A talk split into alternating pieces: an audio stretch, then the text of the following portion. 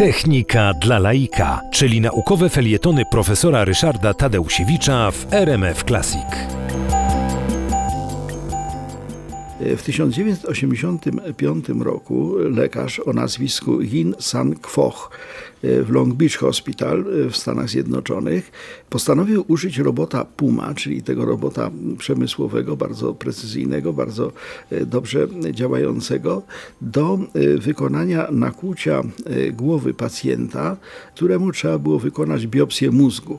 Chodziło o pobranie fragmentu tkanki po to, żeby wykryć, czy tam jest nowotwór, jakiego rodzaju nowotwór. No, takie, takie wkłucie jest niezbędnym elementem. Oczywiście San Kwoch nie ośmielił się, że tak powiem, pozostawić sprawy w rękach, w cudzysłowie, w rękach robota, tylko robot pełnił rolę takiego ustawiacza tej igły, to znaczy kolejność była taka, najpierw według zdjęcia tomograficznego robot dokładnie ustawiał igłę we właściwym położeniu, potem robot został wyłączony po to, żeby przypadkiem się nie poruszył w momencie samego zabiegu. Lekarz ręcznie wprowadzał tą igłę do wnętrza mózgu pacjenta, pobierał tą tkankę, no i była to w tym momencie właściwie taka operacja na poły robotyczna.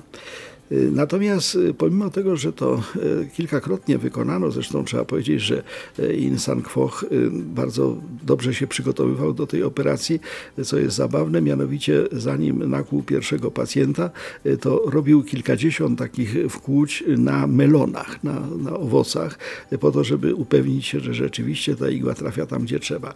No ale te operacje na człowieku wywołały sprzeciw i to zarówno lekarzy, jak i samego producenta robotów. E, co jest ciekawe, e, ta firma, która produkuje roboty Puma, produkowała roboty Puma, one już właściwie w tej chwili nie są w użyciu, e, obawiała się tego, że zostanie przypisane jej to, że stwarza niebezpieczeństwo.